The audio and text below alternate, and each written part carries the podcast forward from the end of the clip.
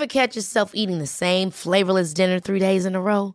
Dreaming of something better? Well, HelloFresh is your guilt-free dream come true, baby. It's me, Gigi Palmer.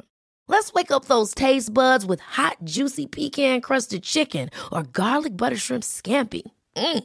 Hello Fresh. Stop dreaming of all the delicious possibilities and dig in at HelloFresh.com. Let's get this dinner party started.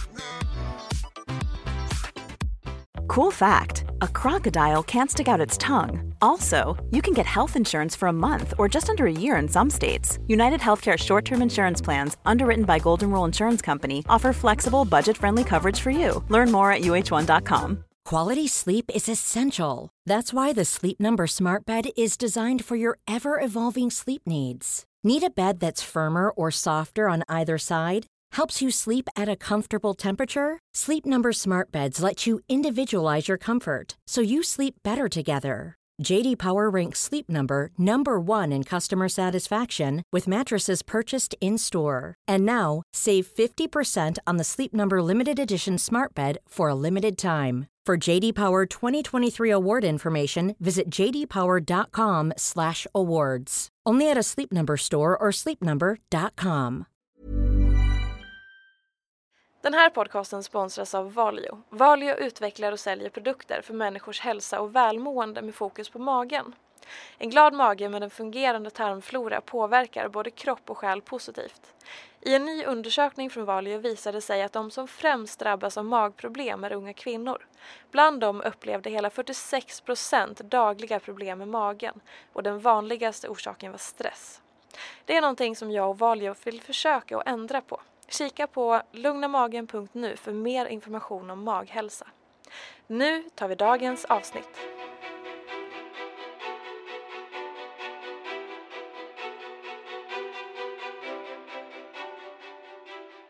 Michaela Forni startade en blogg som 14-åring för att skriva av sig. Idag är hon 25 år gammal och mitt uppe i en framgångsrik karriär som startade med bloggen. Hon har redan haft mäktiga positioner som vice VD och chefredaktör. Hon har haft personalansvar, varit bloggmamma och ansvarat för budgetar och kampanjer. På sidan av heltidsjobbet har hon hela tiden bloggat och även hunnit ge ut två böcker om kärlek. Vid första anblicken visar Mikaelas blogg en vacker yta med lyxiga restaurangbesök, galor, massor med vänner, läckra drinkar och trendiga mässingsdetaljer i den vackra lägenheten. Men den som fortsätter läsa upptäcker snabbt att Mikaela är mer än ett snyggt ansikte med ett långt CV. Hon vågar uttrycka sina åsikter, hon säger ifrån och hon bjuder på skarpa texter om känslor som gång på gång hyllas av läsarna. Mikaela har öppenhjärtligt berättat om tunga perioder, beskrivit sin ångest och hintat om att hon nästan var på väg att gå in i väggen.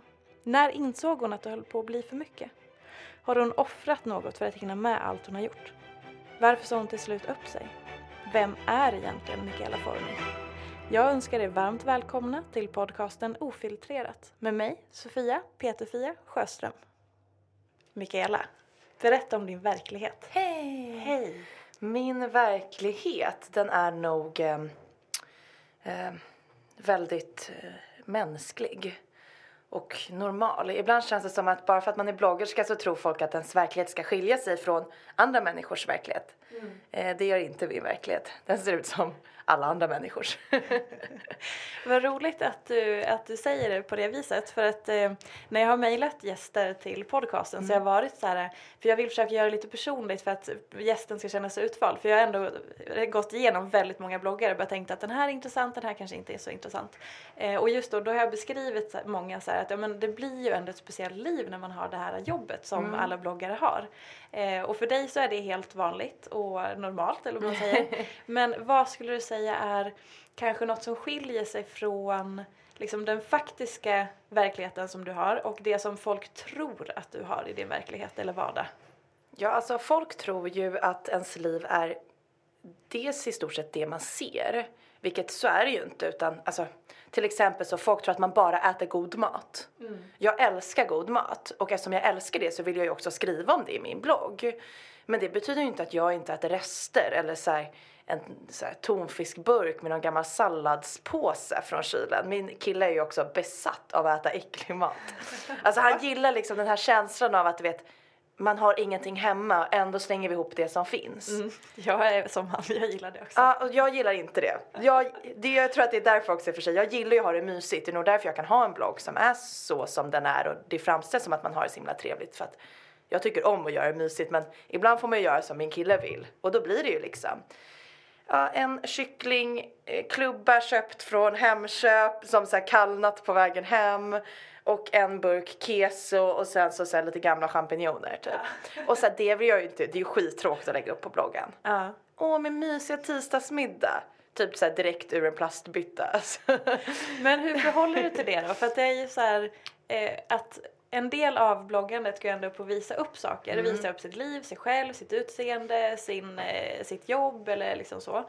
Och hur gör, hur gör du avvägning kring att när du vill visa den här äckliga kycklingklubban för att du vill vara typ lite vardaglig och mänsklig Mm. mot när du vill ha det vackert och mysigt och flytta en ljusstake eller piffa med en blomma och sådär. Ehm, det beror lite nog på vad som finns för inlägg i bloggen just at the moment. Om jag känner att jag varit ganska personlig och öppen med andra saker, jag kanske har skrivit dagen innan att jag haft en jävla skitdag, då känner jag inte ett behov att lägga upp kycklingklubban, utan då kanske jag struntar i det och sen så dagen efter när jag är på en trevlig lunch med, eh, eller har typ ett trevligt lunchmöte på stan, då kanske jag väljer att lägga upp det istället för att det ser trevligare ut. För att det blir också en ren estetisk eh, synpunkt, så att jag tycker ju om när det liksom ser fint och mysigt ut på bloggen och så är jag egentligen till vardags också. Jag tycker ju om när det är fint och härligt hemma och det är det, eller runt omkring mig och det är det jag tycker om att fokusera på. Jag hade typ inte ätit den här äckliga kycklingklubban någonsin om det inte hade varit för min kille. Jag hade nog kanske, men man kanske har det lite enklare. Alltså, ibland kanske jag då äter snabbmakaroner och så steker jag på lite mamma köttbullar. Du vet, det är ju liksom inte estetiskt snyggt att lägga upp på bloggen. Men som du säger, då och då när jag känner att men nu har det varit lite väl mycket yta, då kanske jag lägger upp. Tisdagsmiddag, klassiker. Alltså, något sånt. Vi, jag tänkte gå, faktum är att vi har ju spelat in det här avsnittet en gång tidigare eh, men vi hade lite strul med tekniken eh, så nu vi, gör vi det här för andra gången. Eh, och det var jättetråkigt att det blev så men det var ändå skönt för att jag känner att det var vissa grejer vi pratade om där och då som vi nu kan gå direkt på istället. Verkligen. Eh, utan att vi ska försöka återskapa det perfekta Det samtalet. kan ju vara bra också att berätta att folk undrade ju vad det här podcastavsnittet tog vägen. Precis. Jag fick en massa frågor i min blogg så här, vad är det här avsnittet du gästade? Ja det, det försvann alltså, Ja, det- tekniskt. Ja, teknikens under. Men nu, Så- nu, nu kör vi. Exakt. Eh, men någonting som vi pratade om då som jag tyckte var väldigt spännande och som jag tänkte på några dagar efteråt. Det var det här med, för jag hade i första säsongen hade jag din bästa vän Petra Tungården som gäst. Eh, och då pratade hon mycket om det här med att hon är så här, hon har konstigt uttryck men så mycket i sig själv hela tiden. Att hon så här, hon märker inte om någon kanske inte gillar henne Nej. utan hon tror att alla är liksom så underbara och härliga och hon har, hon har så mycket energi som hon gör av på tusen bollar i luften. Och hon orkade ganska länge. Och då pratade du och jag om det här med att eh, både du och jag tar in ganska mycket av andra människor, man känner av stämningar i rum och känslor och är väldigt känslomänniskor. Eh, och då var det så intressant för då sa du just det här att men gud jag har aldrig tänkt på att det är därför Petra typ kan köra på i 120 km i timmen hur länge som helst utan att typ bli stressad eller bry sig. Men att du kan känna att du blir helt slut efter en dag och känner att ja men du har ju inte gjort hälften så mycket som hon har gjort. Och kommer du ihåg den här diskussionen? Jag kommer ihåg den och det var jätteintressant för jag fick ju värsta uppvaknandet efter vi hade det samtalet. Gud vad, vad spännande. Ja men för att det är så spännande att man som människa jämför man sig så mycket med alla andra. Och eftersom då Petra är min bästa vän är det ganska naturligt att eh, inte att jag jämför mig som att det ska vara någon sorts tävling. Men att man kanske, det, det, man fungerar ju så som människa. Oj vad hon orkar mycket. Jag orkar inte alls så där mycket. Är jag lat? Alltså, och sen så har man ju ett samhälle som då kräver att man ska orka allt hela tiden. Och då gästade hon ju din podcast och jag lyssnade på det och då var det så intressant att hon sa att Just det här med att men jag tror att jag orkar köra på för att jag ser bara en väg och det är min väg. Mm. Och plockar inte upp liksom det som händer vid sidan av vägen. Medan jag ser både liksom motorvägen jag åker på men jag ser också alla avfarter, jag ser liksom vad som händer på liksom gräsmattan vid sidan av, jag ser när kommer nya, jag, jag ser allt. Jag lägger märke till allt. Vilket också gör att jag inte, alltså jag blir tröttare lätt. Och som du säger också, plockar upp energier överallt. Jag kan ju gå ut ur ett rum, som jag och Petra kan ju vara på en lunch och så går vi ut och så säger jag så här, gud vad hon tyckte illa om oss Petra. Och Petra bara, va? Vem? Jag bara, men den där tjejen som satt och sa så här, skulle typ ja, men, slå sig lite på fingrarna, sätta sig över oss när vi pratade. Hörde inte du det? Hon bara, vilken tjej? Hon har inte ens sett den här. Hon har inte ens hört den här tjejen prata. Jag bara, men vad? Det här tyckte jag var jättejobbigt. Ja. Då kan vi ju sätta oss och så kanske någon, någon tjej, jag vill säga att vi skulle sitta på lunch och så säger någon tjej så här, jaha men ni jobbar som bloggerskor eller? Då blir jag direkt så här, oj, nu sätter hon sig över mig, nu ska hon förminska mig, hon vill mig illa. Jag mår dåligt av hennes energi. Sen så är jag då känslig inför hennes energi resten av tiden jag måste vara i samma rum som den här människan. Medan då när vi går ut ur rummet, då har Petra inte ens sett den här människan. Hon vet inte ens att hon var med på lunchen. och det är liksom, det finns ju positiva och negativa delar med båda våra personligheter. Så att jag tycker inte man ska fokusera på vilken som är bäst eller sämst, utan snarare att det är intressant att man kan vara så olika. Verkligen. Och det är alltid så intressant för det, tyck, det fick jag någon slags uppvaknande i eh, alltså efter tonåren, där, efter studenten. För jag har haft någon illusion av att alla tänker ju som jag. Alltså att alla är ju typ ganska glada personer, alla är ganska positiva eller optimistiska eller alla tycker att det är jobbigt med konflikter eller all, alltså min värld var som, jag fick ett uppvaknande och bara men gud andra människor har verkligen helt andra världsbilder. De lever i en helt annan bubbla än min egen bubbla. Och det är så intressant för att det blir... Det tar ett tag innan man fattar Ja. det och det kan vara jättesvårt att sätta sig in i någon annan situation och tänka i samma banor för att man tycker att ens egen värld, så här, eller egens beteende eller personlighet, det är ju det enda man känner till. Precis, och Så jag det- tror att det typ tar hela livet att förstå det där. Alltså, Verkligen. hela tiden måste jag arbeta med att förstå att andra inte fungerar som jag gör. Mm. I vissa fall är det enkelt, när det är saker jag har distans till och sånt. I vissa andra fall så förstår jag inte alls och kan också ta illa vid. Ett exempel är till exempel jag var på en middag här för ett tag sedan, eller jag skulle gå på en middag som en vän anordnade och ehm, en annan vän frågade om eh, hon fick följa med. Och eh, det är ändå en vän som umgås i våra kretsar. Det är inte konstigt att hon frågar och hon hade ingenting planerat och skulle väl annars bara sitta hemma ensam. Ehm, och jag frågar den här vännen då om jag får ta med den här eh, kompisen på middagen. Och hon börjar slingra sig och vill inte ge något klart svar. Ehm, och jag, liksom först, jag, jag tycker jag ställer en jätteenkel fråga, får hon följa med eller inte? Ska, jag sa att det kanske inte skulle räcka, funka med mat, jag visste inte. Så att jag kunde utan problem köra en vit lögn och säga så här: nej men tyvärr, hon har redan fixat ordning med all mat och så, men kom efter och ta en drink eller så här, vi kan mötas upp efter. Men min kompis slingrar sig inte ger något tydligt svar på huruvida hon får komma eller inte. Och jag blir sjukt, jag, jag förstår liksom inte. Då blir jag så här, ja men gå- går det eller? Så här, hon bara, men vi kan väl höras lite senare. Och då säger en annan vän som är med då när jag frågar att, men märkte inte du att hon inte vill? Och jag bara, "Va- vadå? Men då säger man väl det? Nej men jag vill inte att hon ska komma på den här middagen. Nu har jag styrt och fixat och det är vi sex och jag vill inte, nej liksom. Jag bara, men då respekt, jag blir ju inte sur. Och då blev det så här för mig, då blev jag lite ledsen för då kände jag så här, okej, den här vänskapen kanske inte är lika nära för henne som den är för mig. För jag tycker att i en nära vänskapsrelation kan man vara öppen och ärlig med varandra. Alltså att säga så här, nej jag vill inte, ja jag vill, ja det är okej, eller nej jag känner så här. Man är öppen med hur man känner. Men som hon inte vågade vara öppen med mig, då tar ju jag det som, jag blir sårad. Jag känner att liksom, vi, hon inte, vi inte ser på lika nära på vår vänskapsrelation. Och då måste jag ju förstå att det egentligen inte har med det att göra utan att hon kanske då är konflikträdd och drar sig för att ställa, alltså vara ärlig för att hon är rädd för konsekvenserna eller rädd att någon ska bli sur eller ledsen eller inte tycka om henne eller vad det nu kan vara. Men jag har jättesvårt för det. Jag blir liksom väldigt upprörd. Jag får liksom hejda mig för att inte bara säga, men säg bara vad det är, säg bara ja eller nej. Det kan vi bara säga. Vi är ju nära vänner. Tror inte du, alltså, tror inte du att jag kan ta ett nej? Men äh, det är, liksom, det, är, det är väldigt komplicerat och så tror jag att man fungerar hela livet. Och det är så viktigt att hela tiden så här, inte bara utgå från sig själv. Påminna sig själv att säga, okej det här kanske inte betyder samma sak som det betyder om jag skulle göra det eller säga det eller tänka så. Det är skillnad. Det måste man hela tiden komma ihåg men det är svårt alltså. Det är jättesvårt. Men eh, jag själv till exempel har varit konflikträdd eh, större delen av mitt liv och aktivt försökt att bearbeta bort det här senaste åren när jag har Ah. gått i så här, terapi och jag har så här, sett det hos mig själv och bara, jag ska verkligen utsätta mig för situationer där jag vågar ta en konflikt eller säga vad jag tycker och ha mer åsikter och så. Så jag, jag har jobbat på det hela tiden. Men jag får intrycket av att du kanske inte tycker det är jobbigt med konflikter på det Nej. sättet. Utan Gud, jag, vad skönt. Ja, men, nej men så här, det är ju jätteskönt men det kan ju också vara jobbigt eftersom att det faktiskt är så många som är konflikträdda. Sen kan jag vara, dra mig för konflikt i vissa sammanhang för att jag kan vara rädd för eh, vad slutresultatet kan bli.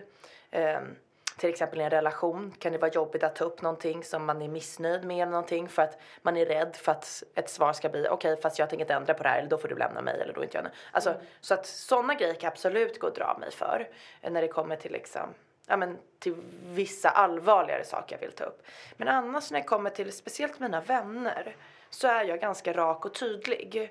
Ehm, och har då svårt att förstå människor som då fungerar som du gör. Om jag frågar, om jag, om jag säger någonting då vill jag liksom, jag vet inte för jag är så himla rakt på i sånt.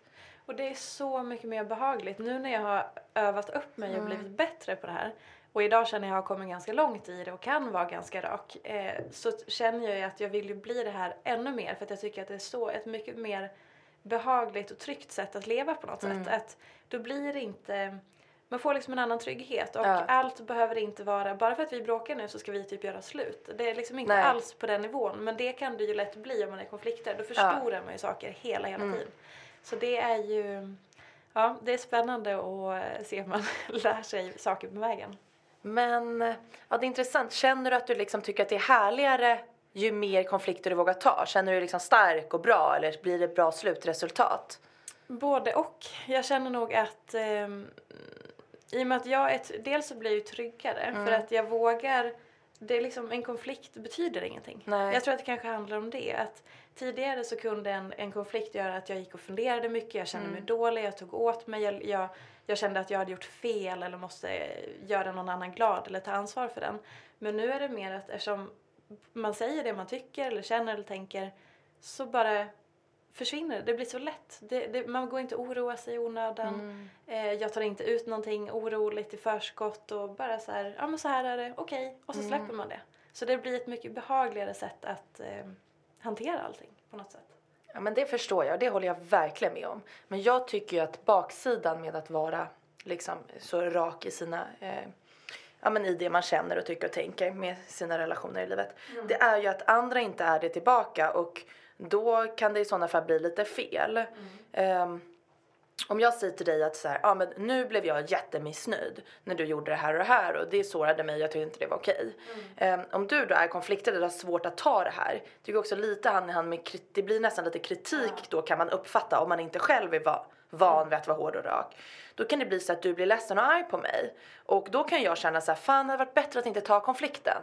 För att ju- annars sårar jag människor fast det inte är min mening. Förstår du? Att du kanske blir lite sårad då för att jag har ju precis gått hårt åt dig. Fast om du var den som var sårad från början och sen om du inte berättar det då blir det ju som att ni någon, då går du och håller på det för att du vill vara snäll. Mm, och då möts ni ju inte riktigt, då blir det ju en liten distans. Om inte du kan berätta Ja. så här, så här känner jag och du gjorde mig jätteledsen och ditt beteende är inte okej.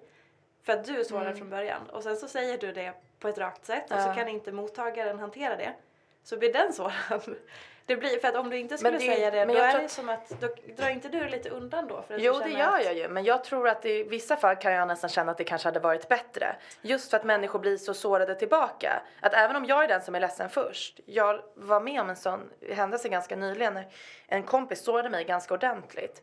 Och jag hade bara kunnat här, ta lite avstånd och sen efter några månader hade det kanske varit bra. Men istället så valde jag att kom, alltså, berätta för henne hur jag kände i situationen. För jag kände att så här, jag vill vara ärlig och den här relationen betyder någonting för mig. Och det är viktigt för mig att vi fort, fortsätter vara kompisar. Jag kommer vilja vara kompis med henne men jag är sårad och jag behöver avstånd. Ehm, och sa det till henne och trodde att hon tog det bra. Men har känt nu i efterhand att hon har tagit ganska tydligt avstånd tillbaka. Som att hon kanske känner lite att Okej fast vadå så du ska kunna ta en paus från den här relationen när du vill och sen ska du bara kunna komma tillbaka till relationen när du vill eller? Medan jag känner så här, fast det var ju jag som behövde det eftersom du hade sårat mig. Men då är det som att hon känner lite att fast nu har ju du sårat mig tillbaks. När du bara så försvann i tre månader och sen kommer tillbaka och tror att allt ska vara som vanligt. Och det är väldigt speciellt och vänskapsrelationer är ganska speciella på det sättet. Och eh, jag, jag ifrågasätter ibland min egen liksom, rakhet och tydlighet. Jag gör den för att jag vill väl, för att jag värnar om relationer. Ehm, men jag har, jag har förstått att andra personer kanske inte alltid tar det på rätt sätt. Och sen så kan det vara jobbigt för mig själv ibland när jag blir lite frustrerad över att andra inte vågar vara lika raka mot mig tillbaka. Så det är en svår sak det här med Verkligen. Konfrontation. Det är intressant. Men eh, har du någon teori om varför du känner att det är så naturligt att vara rak och kommunicera det du känner? Och för tidigare eh, i höstas så skrev du väldigt öppenhjärtligt om att du hade mycket ilska inom dig. Mm. Har du nära kontakt med din ilska? Eh, Att ja, du lätt blir arg och temperament? Och... jag blir arg väldigt ofta. Ja. Säger du och vrider lite på stort. Så. Nej men jag har ehm, jag har alltid haft hett temperament och det går ju också hand i hand med att jag är en känslomänniska eftersom att mina känslor svänger snabbt och alla känslor känner jag väldigt starkt. Vilket då såklart betyder att om en människa som inte kanske känner lika starkt eller liksom inte går lika mycket i vågor med sina känslor. När den personen blir arg kanske den blir lite arg. Medan när jag blir arg då blir jag väldigt arg. Eh, och sen har jag också eh, liksom, jag är en ganska impulsiv person och sen har jag alltid haft ganska svårt med impulskontroll. Vilket betyder att jag agerar på känslor och det är inte alltid det rätta. Nu efter många år av terapi och även med mycket jobb med min karriärscoach Susanne så har jag ju lärt mig att liksom eh, försöka eh, skaffa mig större impulskontroll för att eh, kunna se tydligare, vill jag känna det här? Eller är det här bara i stundens hetta och är det här rätt sätt att agera på? Eller finns det något bättre sätt att agera på? Men det är jättesvårt för mig, jag blir ofta riktigt arg. Alltså jag kan tänka på liksom saker, jag blir helt galen. Ofta. Liksom. exempel? Nej, men, ehm, ja, jag fick höra att en gammal vän hade snackat skit om mig i ett sammanhang där jag inte får kanske berätta att jag vet att den här personen har snackat skit om mig. För att det kan skada en annan person då som berättade det i förtroende. Och jag vill ju liksom, bara tänka på det så det bara forsar fula ord ur min mun när jag tänker på det. och då försöker jag att hantera det här vuxet, moget, lugnt och sansat. Ehm, och verkligen öva på min impulskontroll. Men en del av mig vill ju då ringa upp, konfrontera, vara hård, rak och gärna också trycka dit. Mm. Också för jag känner mig sårad och då agerar jag gärna med ilska tillbaka när jag känner mig sårad. Kände du att det den personen hade sagt, att det var någonting som gick in i dig? Ja, jag kände att jag blev sårad för jag tyckte att jag, det handlade om en situation där jag tycker att jag har haft väldigt mycket så förståelse och funnits där och agerat på ett sätt som var rätt. Och sen då när jag förstod att den här personen har, jag kände mig utnyttjad. Och jag kände att den här personen eh, eh, tog liksom tog ett övertag också i att folk redan vet vem jag är och folk kanske tycker att det är lite kul att höra skvaller om mig och att man kanske utnyttjade det och då liksom sprider rykten om en person som ändå är lite offentlig som inte ens stämmer överens med hur verkligheten såg ut. Ja, det där Så är att, ju... eh, ja, och då blir jag arg. Jag vill ju liksom, jag vill skrika, alltså jag vill ju liksom, jag känner att jag vill använda fysiskt våld. Jag blir helt galen. Och eh, det är därför det är bra att jag har liksom så nära till yogan som lär mig liksom att lugna ner mig själv. När jag var liten så stod jag och slog med en boxningssäck liksom. Jag var arg, man har mycket känslor i sin kropp. Och ehm, fungerar man så som människa då får man ju lära sig att kanalisera liksom eh, sin ilska och för mig är det genom att lugna ner den och hålla på med yoga och meditation. Och för andra kanske det är att hålla på med liksom en sport, man, alltså kampsport eller sådana saker. Jag vet att Peter till exempel gillar ju kampsport för då får hon vara arg och liksom sparka och slåss och uh, ut med det. Medan jag då kanske sätter mig och yogar ute och sen i slutändan förlåter människor eller mig själv för att jag känner som jag gör eller situationer. Men eh, ja, det är tufft. Det ligger inte i min natur kanske att vara så lugn som jag har lyckats bli utan det handlar enbart om stark viljestyrka. Ett hårt arbete ja, ligger bakom. ja, verkligen.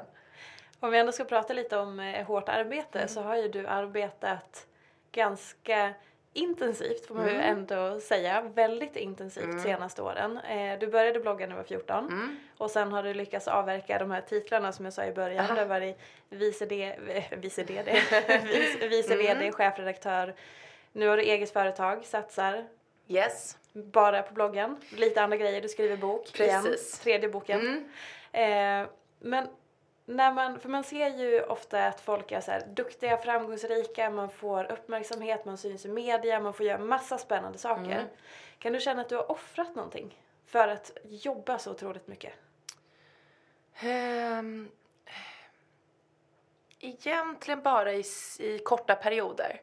Eh, allt har gått ganska bra hand i hand med mitt privatliv, mitt, min karriär. Mm. Alltså jag hade ett liksom, eh, frilansjobb och körde eget och så i många år när jag hade tagit studenten. Och, eh, då höll jag på med nattklubbar och DJ och designade skokollektion och skrev min första bok och jag gjorde realityserier för TV3 och lite sådana grejer. Och höll på med bloggen, var moderedaktör för Nöjesguiden och allt det liksom. Du bara bla bla bla. och så ser man hur så här listan växer och växer och växer. Nej men allt det funkade bra i liksom det livet jag levde då. Jag satt upp och jobbade på nätterna, jag var ute och festade mycket. Det funkade att vara en nattuggla. Också när man jobbade klubb så var ju det svårt att två dagar i veckan jobba mellan 22 och 05 och sen så liksom rest, resterande dagar gå och lägga sig 22 och gå upp 0. Alltså det går ju inte. Du, mm. utan jag, man kommer ju in i lite den nattrytmen. Men sen så kände jag ju då att jag eh, sökt, var lite intresserad efter, av ett riktigt jobb och det gick hand i hand med att jag egentligen kom på att jag kanske inte mådde så bra och visste inte riktigt vad jag skulle göra av det här dåliga. Till slut med liksom en gammal partner och det kändes inget bra, jag fick flytta ifrån min lägenhet, hade inget fast punkt. Ingenting var liksom bra. Och jag kände att så här, jag håller på att tappa fotfästet. Um, jag behöver en fast punkt. Och då kom ju då ehm, um, Devote som blev min liksom fasta arbetsplats och det blev ju min fasta punkt. Så jag tror att även om jag har jobbat så extremt mycket så var det min, alltså det var min trygga punkt i livet. Mm. När allt annat var ett helvete så var att gå till jobbet varje dag, det var min plats liksom. Jag mådde, där fick jag en frizon från mitt privatliv som jag just då inte ville vara en del av och inte gillade och inte tyckte om och liksom inte orkade med. Så att då funkade det ganska bra att jobba på så hårt. Och så, men sen så kommer ju till kritan att säga okej okay, fast varför är jag jobb, okej okay, jag måste kanske ta tag i någonting, jag kan inte bara jobba mm. istället för att ta tag. Och då började ju då hela den här resan som jag hållit på med senaste åren. I att gå i terapi och försöka hitta mig själv och gå in på djupet att så här, varför har jag känt som jag gör i perioder av mitt liv? Varför mår jag som jag mår? Varför fungerar jag som jag gör? Och eh, det kanske inte funkar med de här kortsiktiga lösningarna. Jobba mycket, gå ut och festa, köpa ett par nya skor eller boka en spontanresa. Mm. Det är liksom inte, det är inte receptet för en harmonisk och trygg själ. Utan det ligger i liksom andra mer långsiktiga och kanske jobbigare arbeten. Och det är de jag har tagit tag i nu. Så att så ja det är klart att i slutet när jag liksom jobbade ganska mycket på min tidigare arbetsplats så kände jag väl att det kanske kostade min fritid just eftersom jag inte orkade ha en fritid till slut. Att när allt hade ordnat upp sig i min fritid, jag liksom bodde på en trygg plats, jag hade bra vänner, jag träffade en fantastisk partner och kanske ville då vara i mitt privatliv så fanns det inte så mycket tid för det. Och det blev ju en jobbig konflikt då. Um, och det här var för ungefär Ja, det var, ja precis, som jag började känna att så här, jag orkar inte. Mm. Det, det funkar inte det här. Det går inte ihop och jag mår inte bra, jag är inte lycklig helt plötsligt är man inte lycklig på någon del för att de spelar ut varandra och båda tar för mycket tid och man inte heller kanske vet riktigt så här. Ja, jag var van vid att jobba så mycket och hade alltid tyckt att det är mer värt att jobba än att göra någonting annat. Mm. Och sen så insåg jag att det kanske inte var det utan att jag kanske liksom egentligen bara hade jobbet som en ursäkt för att här, orka med resten av livet. Och eh, ja, då tog jag ju tag i allt det och då insåg jag ju att jobbet inte är så viktigt för mig som jag trott.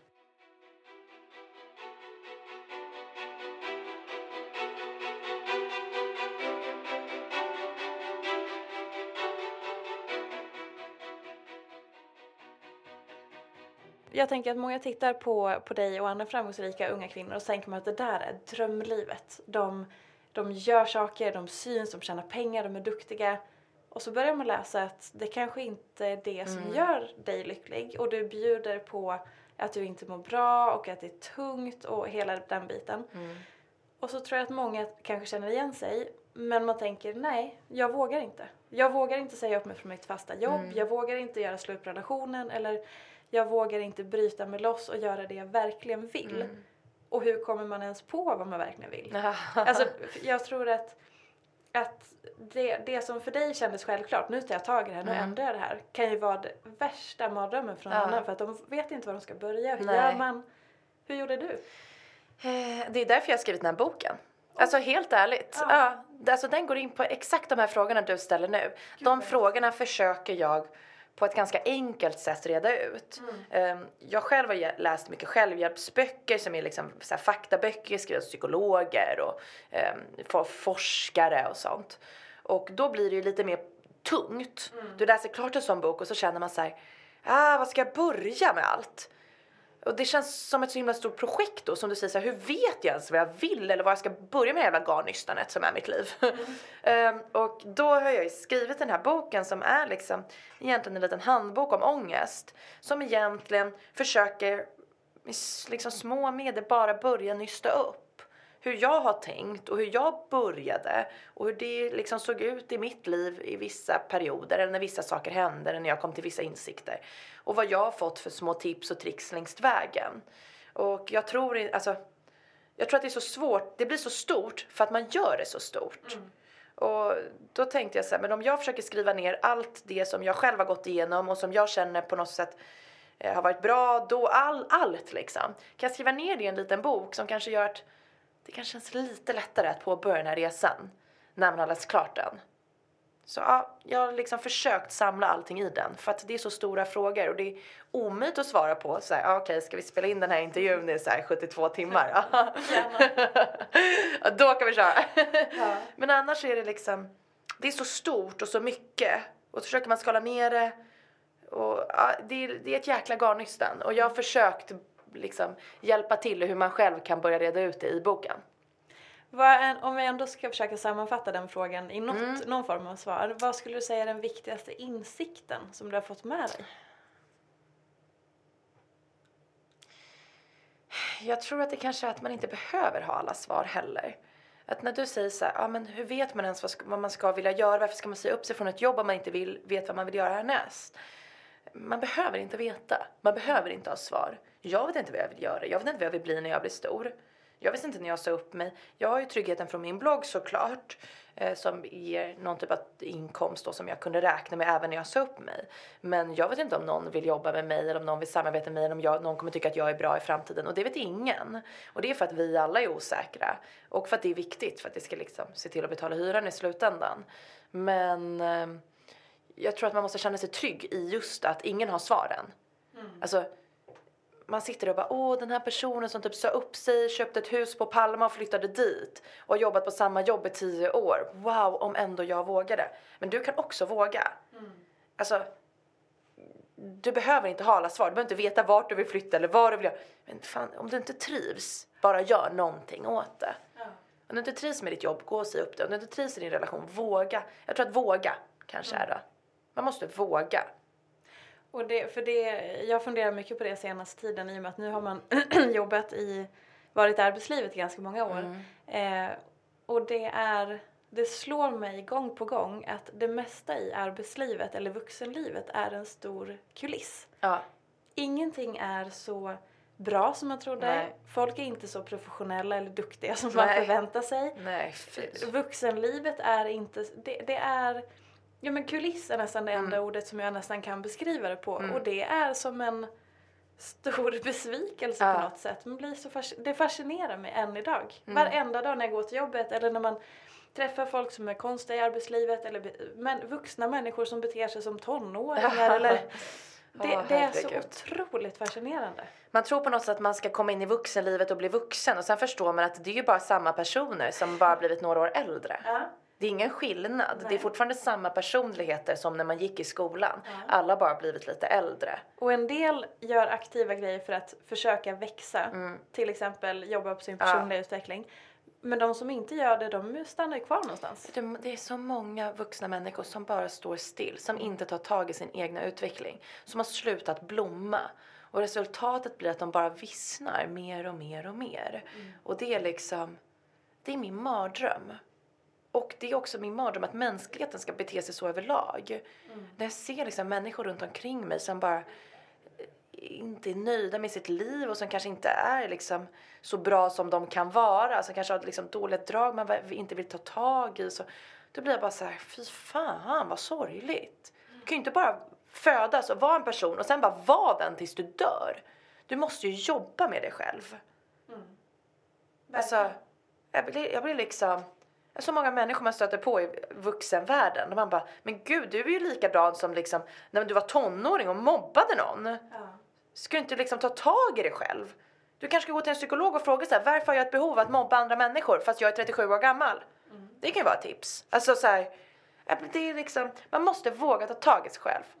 Och så här, jag tror också när det där med kuliss och sånt. Det är också så intressant. Jag tror att fler och fler måste våga riva kulissen. Och det är väldigt svårt idag när vi har sociala medier. Som bara liksom förstärker den här jävla kulissen. Det är jättesvårt att veta hur, hur man ska göra. Men jag tror att man bara måste våga. Och det kanske blir ledordet för allt som handlar om att vara en mänsklig varelse. Man måste våga ha mod. Våga ta tag i sitt liv, våga riva sin kulissen, eh, våga vilja bli bättre. Alltså det är enklare att bara vara som man är och sen bara säga till alla andra att jag är så här. Men det är ju så otillfredsställande. Precis, och du kommer aldrig liksom, jag tror inte att man dör med ett varmt öppet hjärta när man liksom sen ligger där på dödsbädden. Jag var ju så här otro, alltså om vi pratar om mitt temperament och sånt. Jag var galen i mina tonår. Jag var galen. Jag hade liksom, jag hade sånt temperament, jag var så arg, hämndlysten, kunde använda så fula ord, kunde liksom vara så svartsjuk, avundsjuk, allt. Men så här, ska jag bara gå och vara det hela mitt liv? Om jag bestämmer mig för att jag blir lite arg på dig och slår sönder det här poddrummet och du bara, vad gör du Mikaela? Ska jag säga så här, men jag är så här, jag har ett hett temperament och det får man leva med om man ska vara med mig. Om man ska vara omkring mig. Hur var jag för människa då? Nej. Och det där stöter man på ganska ofta. Precis. Jag har, jag har ju liksom vänner och bekanta omkring mig som kan säga så här, men jag är så här. Och så enkelt är det. Och då är det så här, fast om du har en dålig egenskap som varken är bra för dig eller för folk i din omgivning eller för dina relationer eller människor du älskar. skulle du inte liksom våga gå till botten i varför du är så om man kanske kan förändra det? Sen betyder det inte att man kommer vara en perfekt människa. Jag kommer alltid ha dåliga drag. Men jag kan ju välja om jag vill lära mig att bli lite bättre på vissa av mina dåliga sidor. Till exempel impuls. Eller ilska. Det kanske inte funkar att slå sönder saker. När jag var tonåring kunde jag så här, slå sönder mitt flickrum. Jag kan ju inte hålla på att slå sönder min lägenhet när jag är arg. Det, funkar alltså, så fun det funkar inte. Jag vill ju inte vara så. Det är ju inte bra för mig, min stackars sambo, för vår stackars lägenhet. Ingen vinner på att vara så aggressiv. Då får man ju lära sig att liksom hantera det. Det är ändå fascinerande att många använder det som en slags förklaring. Ah. Bara ett, eller ett försvar. Nej men det är så här jag är. Ja, Så, Punkt slut. så ofta. Jag som att det skulle vara okej. Eller som att det liksom gör att beteendet är rättfärdigat för att ja, ja okej du är så. Okej. Ja, det är det värsta jag vet. Eller folk som skyller på jobbiga saker man har varit med om. Det Mm. är också är jag med om så ofta. Nej men du vet, eh, min pappa var så här när jag var liten. Eller mina föräldrar skilde sig så jag fick en skev bild. Eller är det här och här hänt? Eller eh, jag har varit med om de här tunga grejerna. Så bara, ja det är jättehemskt att du har varit med om tunga grejer. Men vet du vad? Det här är livet. Du är inte den enda som har varit med om jobbiga saker. Jag, jag har typ ingen som jag känner som har haft ett normalt liv. För vad är ens normalt? Alltså, alla mina vänner har varit med om skilsmässor, eh, liksom våld, eh, våldtäkter, slagsmål, misshandel, allt möjligt. Död, sjukdomar. Du är inte den enda. Och man kan inte skylla jobbiga saker heller på att man är som man är. Man kan inte säga att äh, men jag är taskig mot alla mina flickvänner för att min pappa slog min mamma när jag var liten. Jaha okej fast då får inte du gå och slå andra kvinnor för det. Du kan inte skylla. Man ska inte skylla bort sig, man måste ta ansvar för sig själv och sitt liv. Och det är ingen annan som kan ändra på det förutom en själv heller. Helt sant. Det, Jag blev arg igen. Men jag gillar det för att det, det tycker jag är så befriande med dig är att du vågar säga ifrån, du vågar ha dina åsikter och du vågar ibland ryta till. Eh, du vågar sitta hos eh, Malou till exempel och säga att jag vägrar vara perfekt nu Ja. eh, Alltså du vågar ändå ta lite ställning. Mm. Vilket är väldigt skönt för att det är ju ganska få som vågar det. Ja, men jag vet inte, någon kanske lyssnar på den här podden och tycker att jag säger konstiga saker eller blir onödigt arg eller överdriver. Men det är också så här, jag kan inte vara perfekt. Jag kan försöka vara en så bra människa som möjligt för mig själv och för folk i min omgivning. Men perfekt kan jag inte vara. Oavsett om det handlar om att vara perfekt till ytan eller ha en perfekt personlighet. Men jag tar i alla fall ansvar för den jag är och min person. Jag skyller inte ifrån mig. Nej, och det är eh, någonting, om man, de orden vi har pratat om nu, det var ju kuliss och ansvar. Mm. Och det, för jag, jag tänkte prata lite med dig om det här med sociala medier Mm. och sen också hälsa och träning. Ja. För du har vissa gånger ibland uttryckt din frustration över att folk kommenterar, kvinnor kommenterar alltid vad andra kvinnor äter. Eh, att det är en träningstrend eller hets som pågår. Värsta jag vet. Ja, exakt. Eh, och jag har också pratat ganska mycket om det här. Jag jobbar ju som hälsobloggare Mm. och då blir det eh, det, är, det är svårt Det är knepigt. Ja. Det är jätteknepigt för gränsen mellan att folk tycker att det är inspirerande och fint och härligt till att man känner sig negativt påverkad eller tr- ska jämföra sig, den är ju väldigt hårfin. Jätte, Eh. jättesvårt. Verkligen. Och då, just i min bloggbubbla där jag Mm. lever med hälsofokuset så är det just, det är så mycket kulisser och folk tar inte ansvar. Nej. Jag kan bli galen på att man rättfärdigar att vara en hälsoprofil eller hälsoinspiratör genom att klä av sig och Ja. tycka att det är okej. Alltså jag kan bli, hur kan man...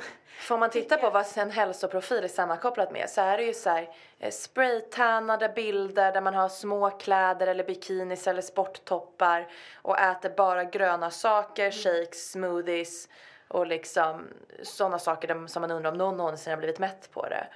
Och eh, så gömmer man att vara den här profilen i att säga, men jag är en hälsoprofil och det här är en hälsoprofil. Istället för att kanske ta ansvar, som du säger då, över vad man sänder ut, vad det ger för bild, hur andra människor som läser mår. Och varför man gör det också. Varför lägger du upp de här bilderna på dig själv i liksom välposerade vinklar? Du kanske till och med retuscherat lite.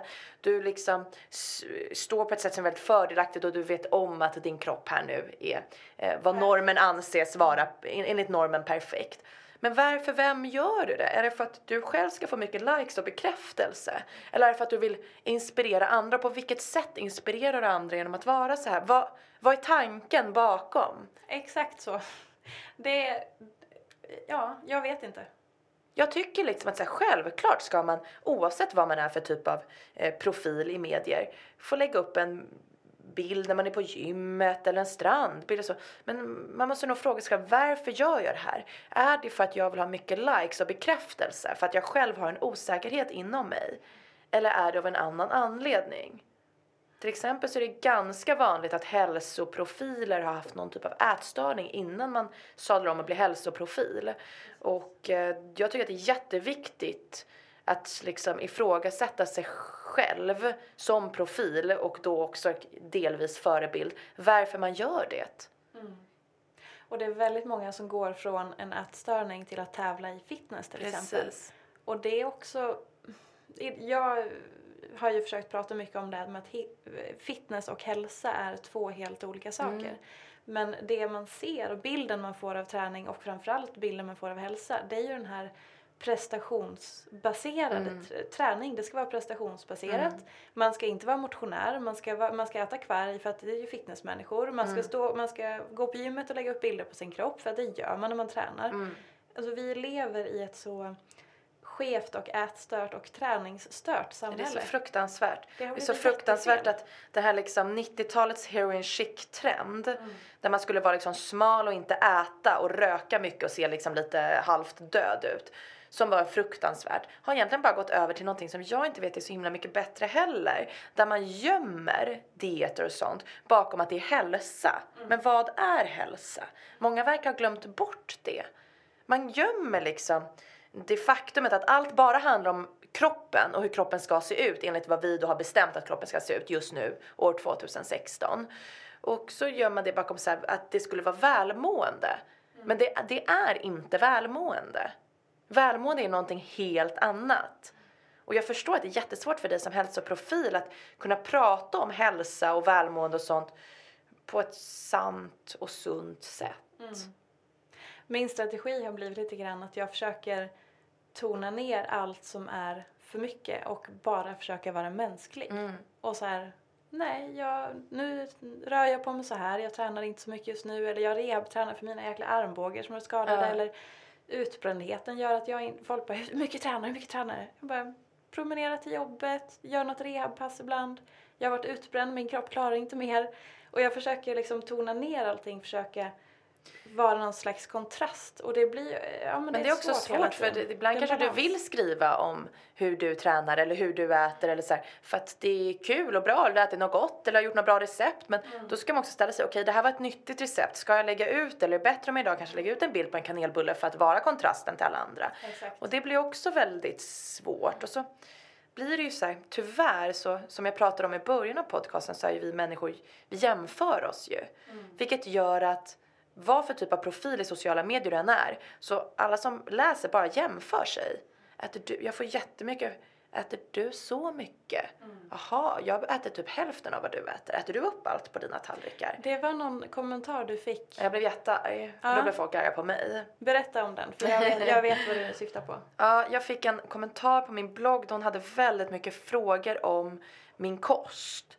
Så här, "Ja, men nu när du var i Chicago, hur kan du äta så mycket på en dag? Först dricker du smoothie till frukost och sen så äter du eh, pasta till lunch och sen äter du tre rätters till middag. Hur orkar du? Om jag äter en pasta till lunch så orkar inte jag äta mer på dagen sen. Och i den här kommentaren då så kommer jämförelse in, vilket man inte ska hålla på med. Och sen också bekräftelse. Det hon innerst inne vill säga är så här, jag äter mindre än dig och enligt vårt samhälle är ju bra att äta lite för då är man ju smal och snygg och snärt. Och det blir ju helt fel. Den här kommentaren, jag tyckte så synd om personen som skrev den för att jag tänkte så här, gud vad du mår dåligt och vad hemskt att du måste jämföra dig. Jag vill inte att någon som läser min blogg ska jämföra sig med mig. Jag lägger upp vad jag äter och jag tränar och så här. Och det är för att det är det jag mår bra av. Det är så min kropp fungerar. Det är så jag fungerar. Jag tycker att jag har hittat välmående på ett sätt som få andra människor har hittat. Ehm, och med det sagt ska man inte jämföra. Jag tycker inte att alla ska äta som jag gör, eller träna som jag gör, eller sova som jag gör, eller leva som jag gör. Men jag tycker att man ska hitta sin egen väg till välmående. Men man måste sluta jämföra sig. Och jag blev ju lite arg då sa att så här, varför jämför du dig? Och då blev folk arga på mig och började Varför prata det? men började prata om ätstörningar och att jag kanske inte har någon förståelse och liksom, ja, allt vad det var. Men ja, det är ju svårt för jag håller ju inte med. Jag tycker att jag har rätt. Alltså så enkelt, så enkelt är det. Att, eh, jag, jag tycker att så många unga kvinnor har en så märklig syn på liksom, hur man ska vara när det kommer till hälsa och välmående. Där de har sammankopplat det med någonting helt annat. Och jag tycker inte om när man jämför sig.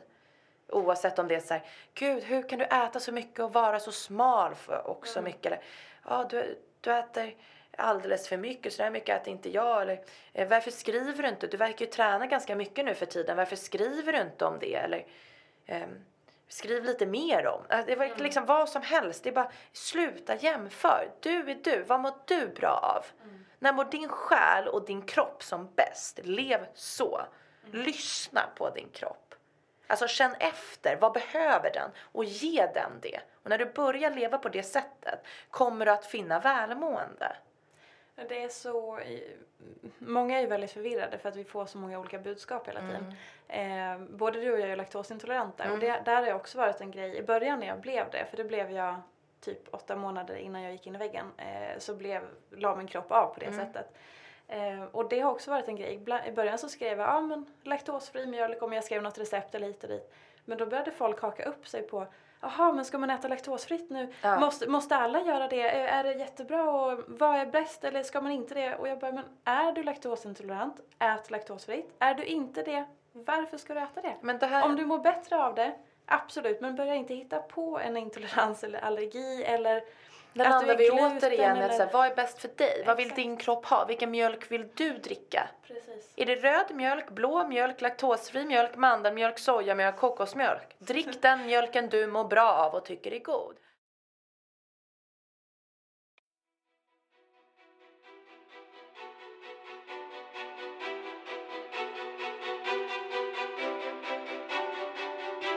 Blir du inte trött av ibland att behöva... På ett sätt så måste man ju, när man, när man försöker ta ansvar för sin egen eh, bild av sig själv i sociala medier, som du och jag försöker göra, då blir det ju någonstans att man försöker hjälpa alla genom att berätta de här sakerna. Lyssna på dig själv, jämför inte med, alltså, det kan, att man ska vara en bra förebild och hela den biten. Det kan ju vara ganska ansträngande. För att man måste ju hela tiden väga formuleringar, Ja. vad man lägger upp, hur gör jag, vad svarar jag? Och det är alltid någon som tycker man gör fel Ja. också. Så är det ju. Ja. Det spelar ingen roll. Men Man- kan du bli trött ibland och börja med vad fan? Ja, det är klart. Alltså det är klart jag kan bli trött. Men det är ju mest för att... Alltså jag blir återigen där så här, Det är jobb, svårt att acceptera att alla andra människor inte fungerar som man själv gör. Och har man en blogg med så många personer som jag som läser hela tiden så är det ganska många som känner annorlunda än en själv. Och då kan man ibland bli irriterad. Eller också kan det ibland vara, ibland kan man kanske känna att folk inte förstår vad man menar. Eller att folk tar illa upp fast det inte var meningen. Eller vad det nu kan liksom eh, innebära. Folk, ja men det är ju speciellt. Ja, det är klart att jag blir trött på det. Eh, man försöker ju göra eh, så rätt som möjligt ur ett samhällsperspektiv och också så rätt som möjligt ur ett personligt perspektiv. För det är min personliga blogg. Och jag kan inte skriva eller göra saker där som, som inte känns rätt. Utan jag måste utgå från mig själv. Samtidigt som jag vill inte eh, jag vill försöka vara en bra förebild ur ett samhällsperspektiv också. Och det är ju svårt. Till exempel, jag tycker inte som du säger, jag tycker inte att man ska skriva ut laktosfritt eller glutenfritt. Om jag äter bönpasta så skriver inte jag så här jättehärlig bönpasta för att vad säger jag då? Så här, och nu är den här lite nyttigare maträtten. Eh, eller vad det nu kan vara. Jag tycker inte man ska lägga så stor fokus på det för jag kan bli irriterad på det. Samtidigt som om jag till exempel lägger upp en bild där jag sitter och dricker en drink ska det vara någon såhär, men gud en drink på en tisdag, ja fast den var alkoholfri men måste jag skriva att den är alkoholfri? Kan jag inte bara få dricka en jävla drink så kan du skita i om det är vodka i den eller inte? Alltså man lägger så mycket fokus på liksom sådana saker. Jag önskar att man kunde läsa ett recept och sen bara utgå ifrån den mjölken eller om det ska vara glutenfritt eller inte eller om man vill, eh, alltså om man är allergisk mot någonting plocka bort det eller om man är vegetarian plocka bort det eller lägga till och inte lägga så mycket fokus på just, ibland om jag äter någon gång skrev jag ut så ett exakt recept. Då hade jag ätit en typ vegansk frukost. Och då får man massa kommentarer så här. Gud vad bra att det var en vegansk frukost. Helt rätt Mikaela. Men jag äter veganskt ofta. Det är bara det att jag kanske inte skriver så här.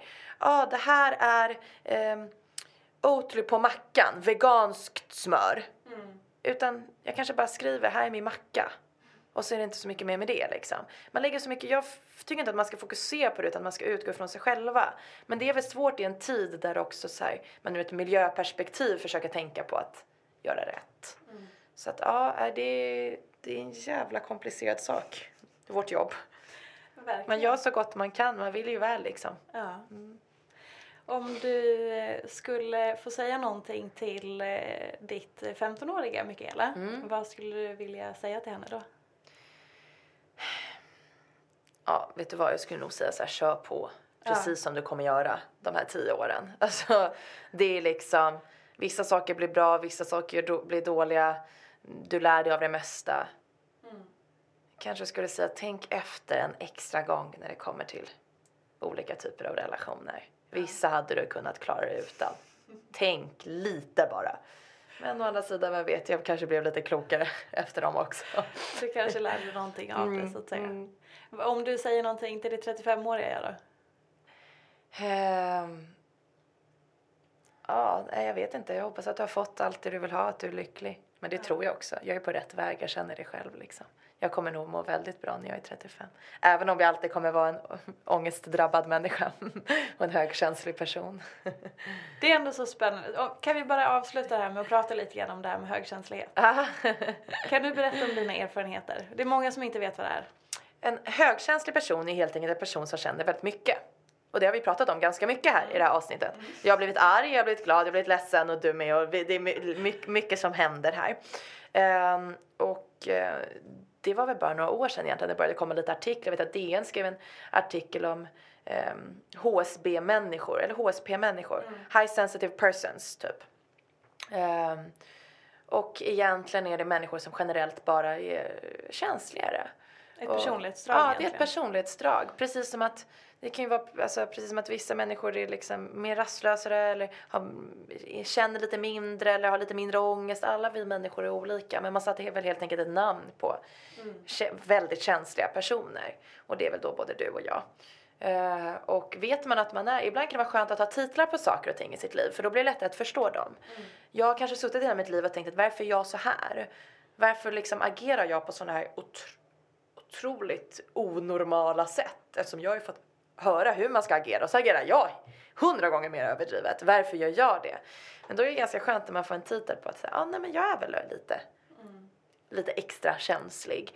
Och det är okej okay. och då blir det också lättare att förstå och acceptera sig själv när man agerar på vissa sätt eller känner på vissa sätt i vissa situationer.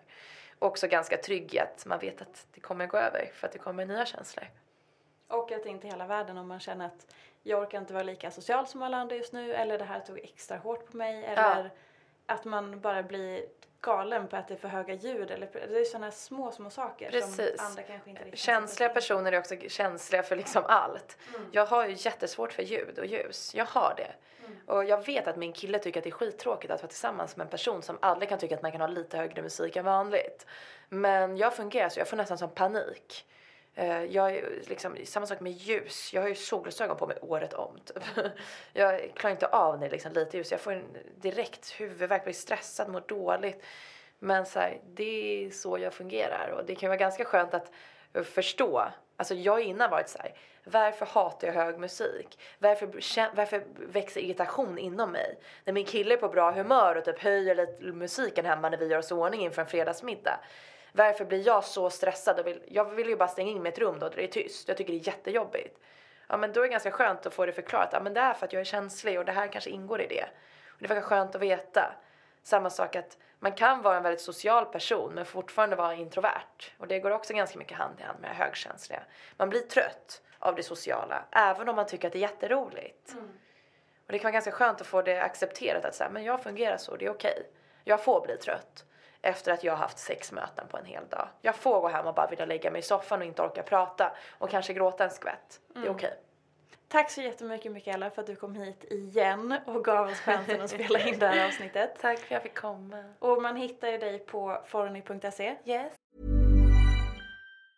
Hey, I'm Ryan Reynolds. Recently, I asked Mint Mobile's legal team if big wireless companies are allowed to raise prices due to inflation. They said yes. And then when I asked if raising prices technically violates those onerous two-year contracts, they said, "What the f*** are you talking about? You insane Hollywood ass."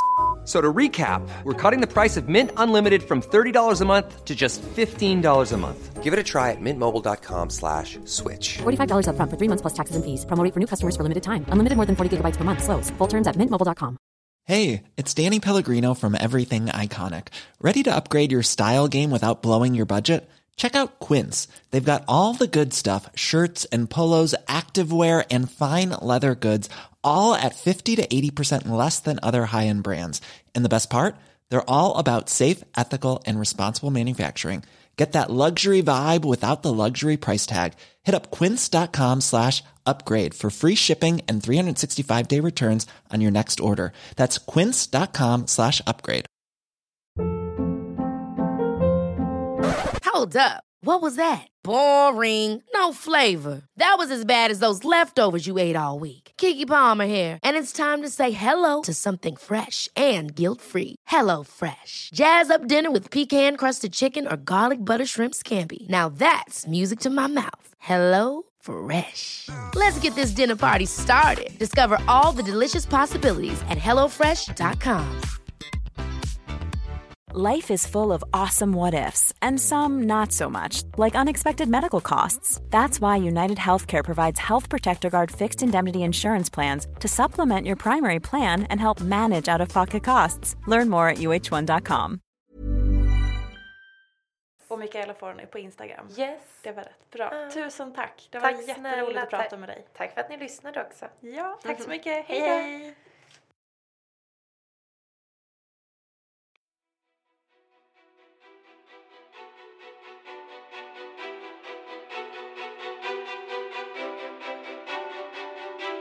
En glad mage med en fungerande tarmflora påverkar både kropp och själ positivt. I en ny undersökning från Valio visade sig att de som främst drabbas av magproblem är unga kvinnor.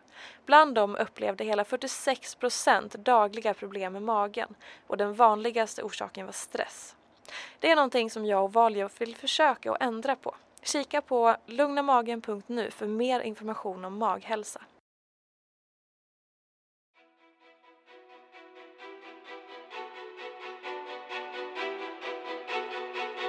Jag vill rikta ett stort tack till eh, produktionsbolaget Oh My som hjälper till att producera den här podden och geniet Emil Sjölin som klipper. Tusen tack!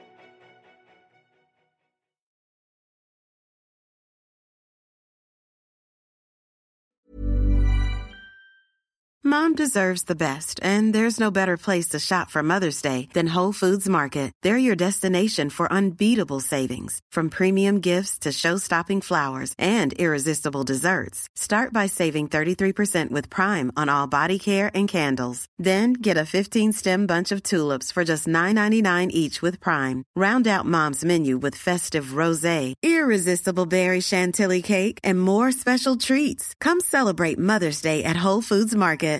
Mom deserves the best, and there's no better place to shop for Mother's Day than Whole Foods Market. They're your destination for unbeatable savings, from premium gifts to show-stopping flowers and irresistible desserts. Start by saving 33% with Prime on all body care and candles. Then get a 15-stem bunch of tulips for just $9.99 each with Prime. Round out Mom's menu with festive rosé, irresistible berry chantilly cake, and more special treats. Come celebrate Mother's Day at Whole Foods Market.